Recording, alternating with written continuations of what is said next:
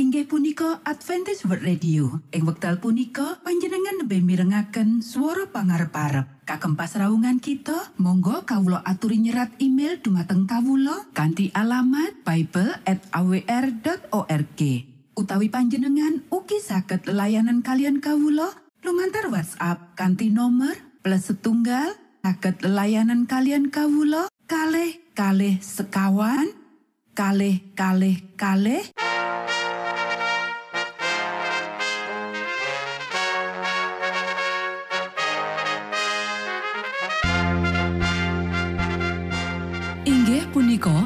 Adventist World Radio ingkang giaran kanti basa Jawi. Tentrem Rahayu kula aturaken kagem para mitra kinasih ing pundi papan lan panggonan. Sugeng pepanggian malih kalian Adventist World Radio. Kanti bingahing manah Kulo badi sesarengan kalian poro mitra kinasi. Lumantar saperangan adicara ingkang sampun rinonci. Mligi kagem panjenengan sami. Mugi giaran punika saged migunani tuen dados berkah kagem kita sedoyo. Sugeng midhangetaken Gusti amberkahi.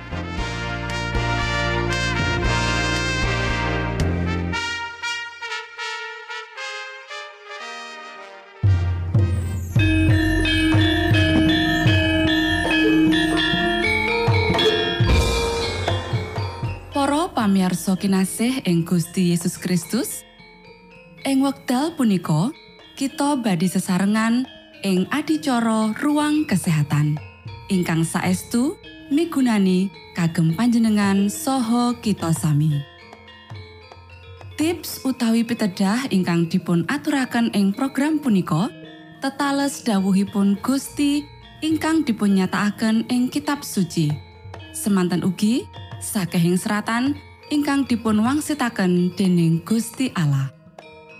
Nanging saderengipun, monggo kita sami midhangetaken kidung pujian.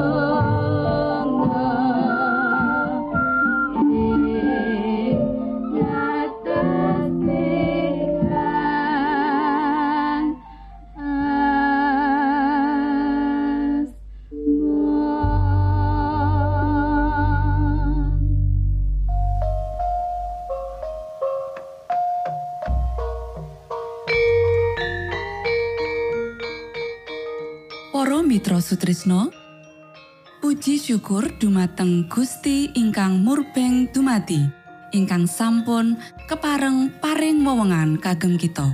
Satemah saged nglajengaken ruang kesehatan. Pirembakan kita semangke kanthi irah-irahan. Yo kene perlu pepadang reformasi kesehatan?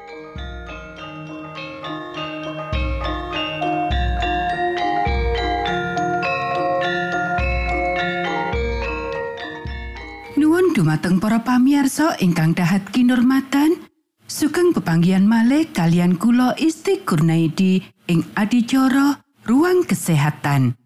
Ing dinten punika kanthi irah-irahan, yo kene perlu pepadang reformasi kesehatan. Para sedherek ingkang kinasih, Gusti Allah wis nggilani sunar pepadange nyinari kita ing jaman iki. Pedut lan pepeteng bisa ditundung saato-atoe. Pedut iki wis dadi kandel ing turunan sing biyen amarga pemanjaan dosa. Rentetan piolo bisa dikurangi, yaiku piolo kang dadi akibat saka kamurkan.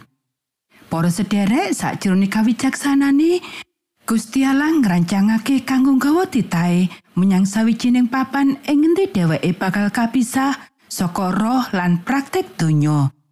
Nganti anak-anake ora sikro kapimpin menyang sakjroning penyembahan brahala lan ora gampang kaseret menyang sakjroning piolo sing ngombro-ombro ing jaman iki. Gusti Allah wis ngrancangake supaya para wong tuwa sing saleh bebarengan anak-anake ngadeg dadi wakil-wakil Sang Kristus sing urip, ya iku calon-calon pewaris urip langgeng. Kabeh wong sing duweni sifat ilahi bakal luput saka piala nepsu donya iki. Ora mungkin kanggo dheweke sing manjakake selera kanggo ngentuki kasampurnan Kristen. Para sederek, Gusti Allah wis nglilani pepadang reformasi kesehatan nyinari kita ing jaman pungkasan iki. Menawa lumaku ing sakjroning pepadang iku, kita bisa kasingkirake saka akeh pepaya sing jiret kita.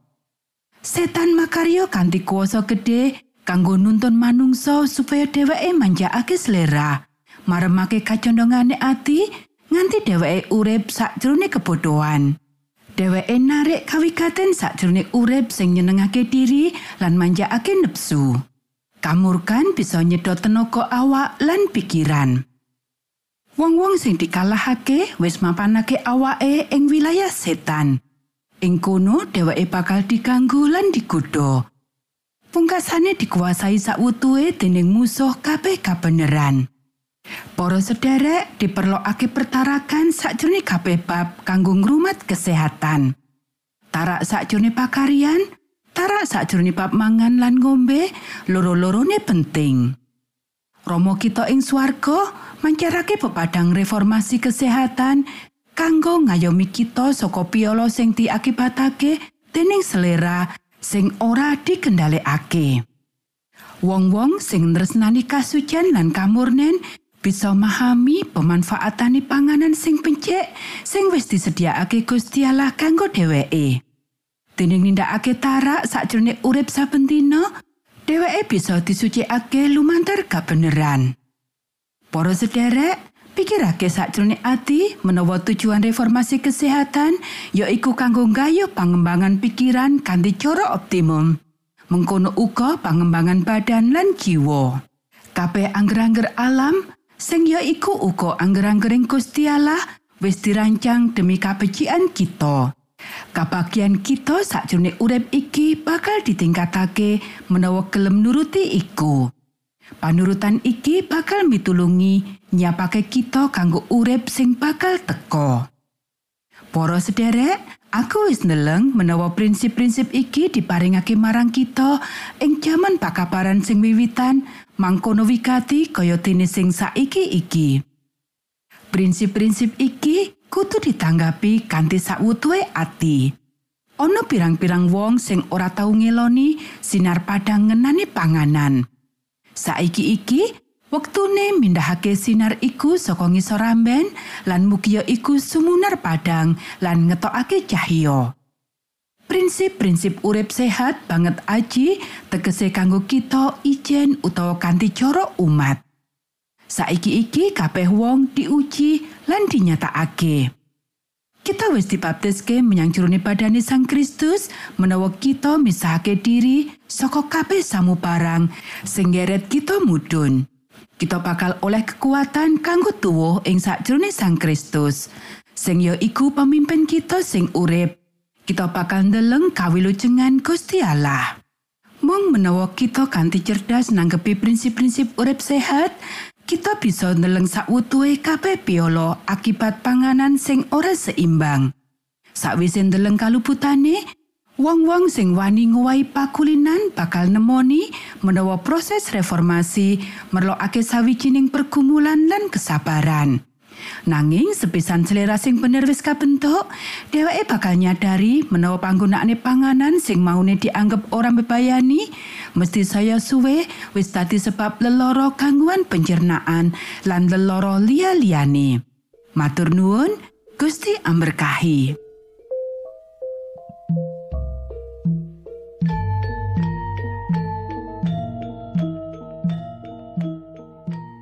Cekap semanten pimbakan ruang kesehatan ing episode dinten punika. Ugi sampun kuatos jalaran kita badhe pinanggih malih ing episode sak lajengipun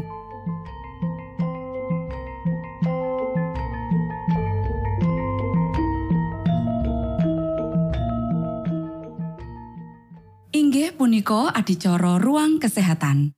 Menawi panjenengan gadah pitakenan utawi ngersakaken katerangan ingkang langkung, Monggo kulo aturi. Kinton email dateng alamat ejcawr@ gmail.com utawi lumantar WhatsApp kanti nomor 025 pitu 00 songo songo papat 00 pitu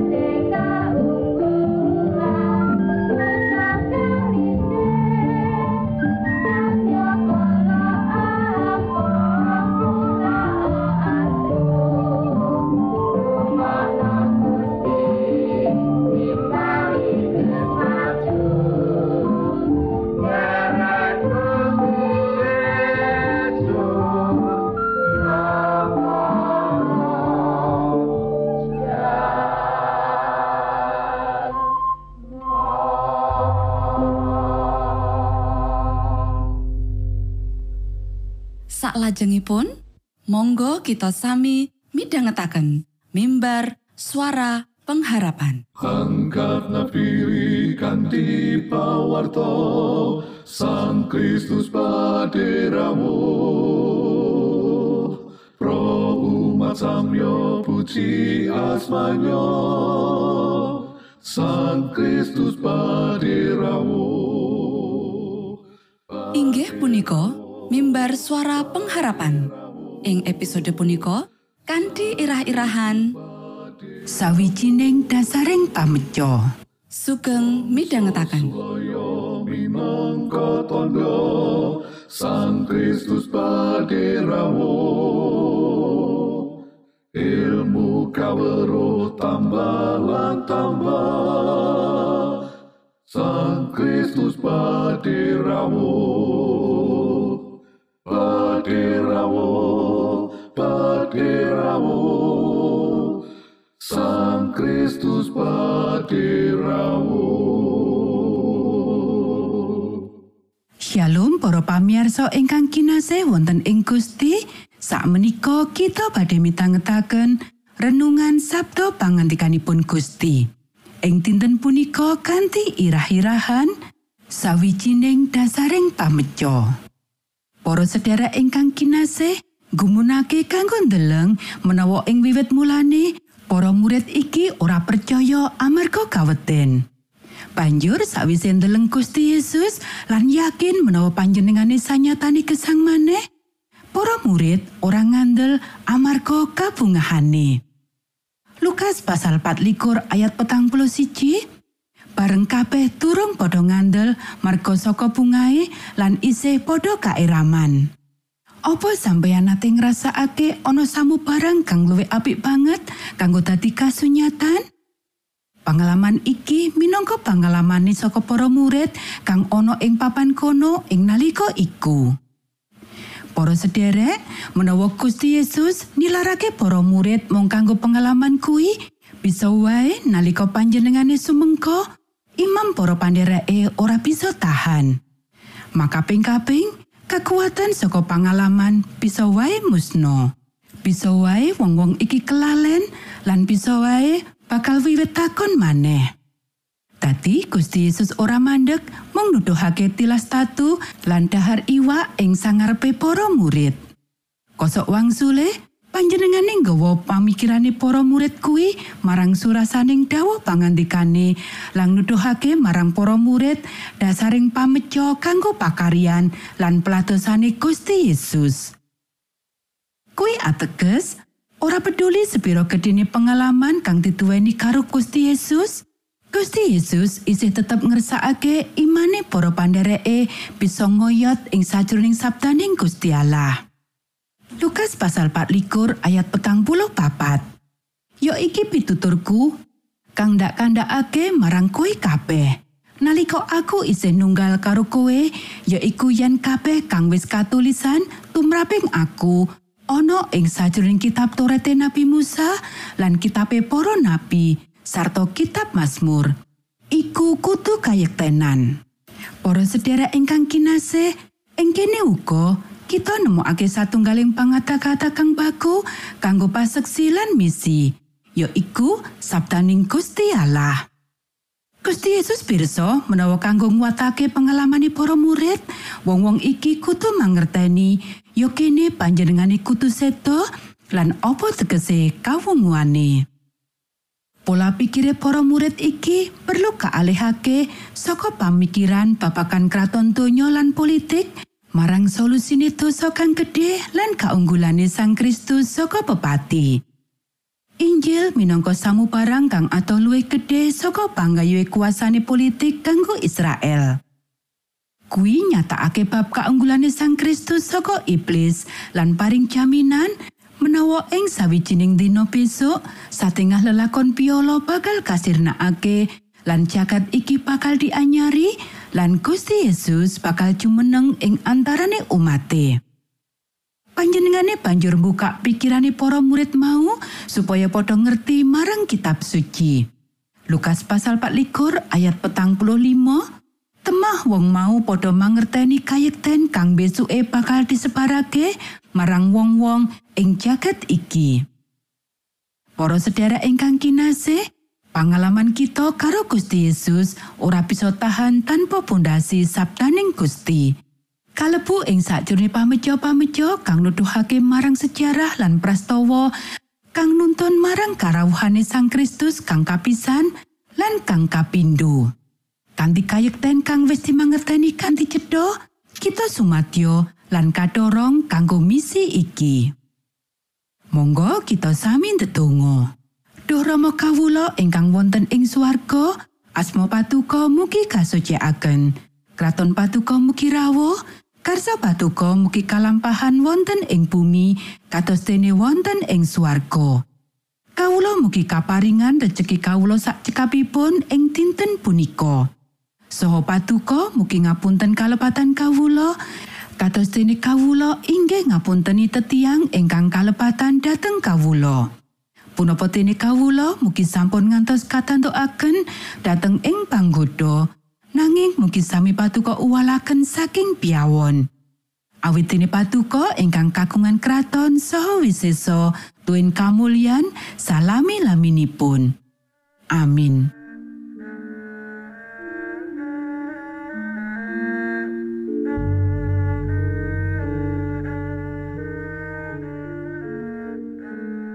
Mitra Sutrisno pamiarsa kinasih ing Gusti Yesus Kristus. Sampun paripurno pasamuan kita ing dinten punika.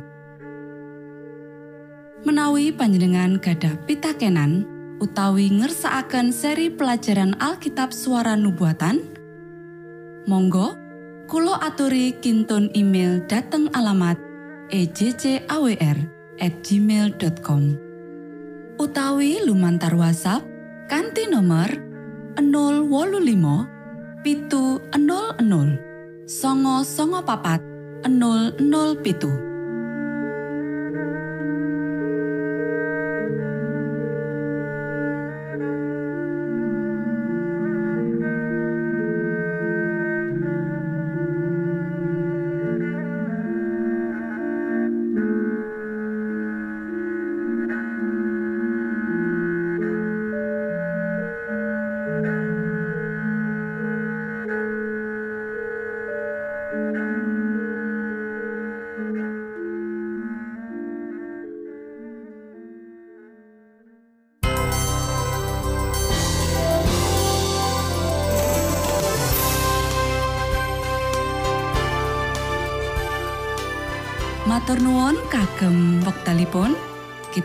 badhe pinanggih malih ing gelombang ugi wekdal ingkang sami.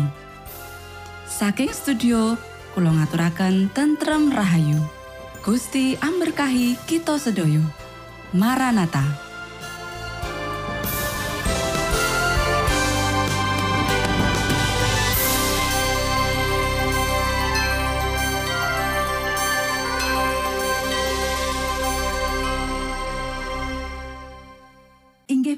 Adventist World Radio. Ing wekdal punika panjenengan lebih mirengaken swara pangarep-arep. Kagem pasraungan kita, monggo kawula aturi nyerat email dumateng kawula kanthi alamat bible@awr.org.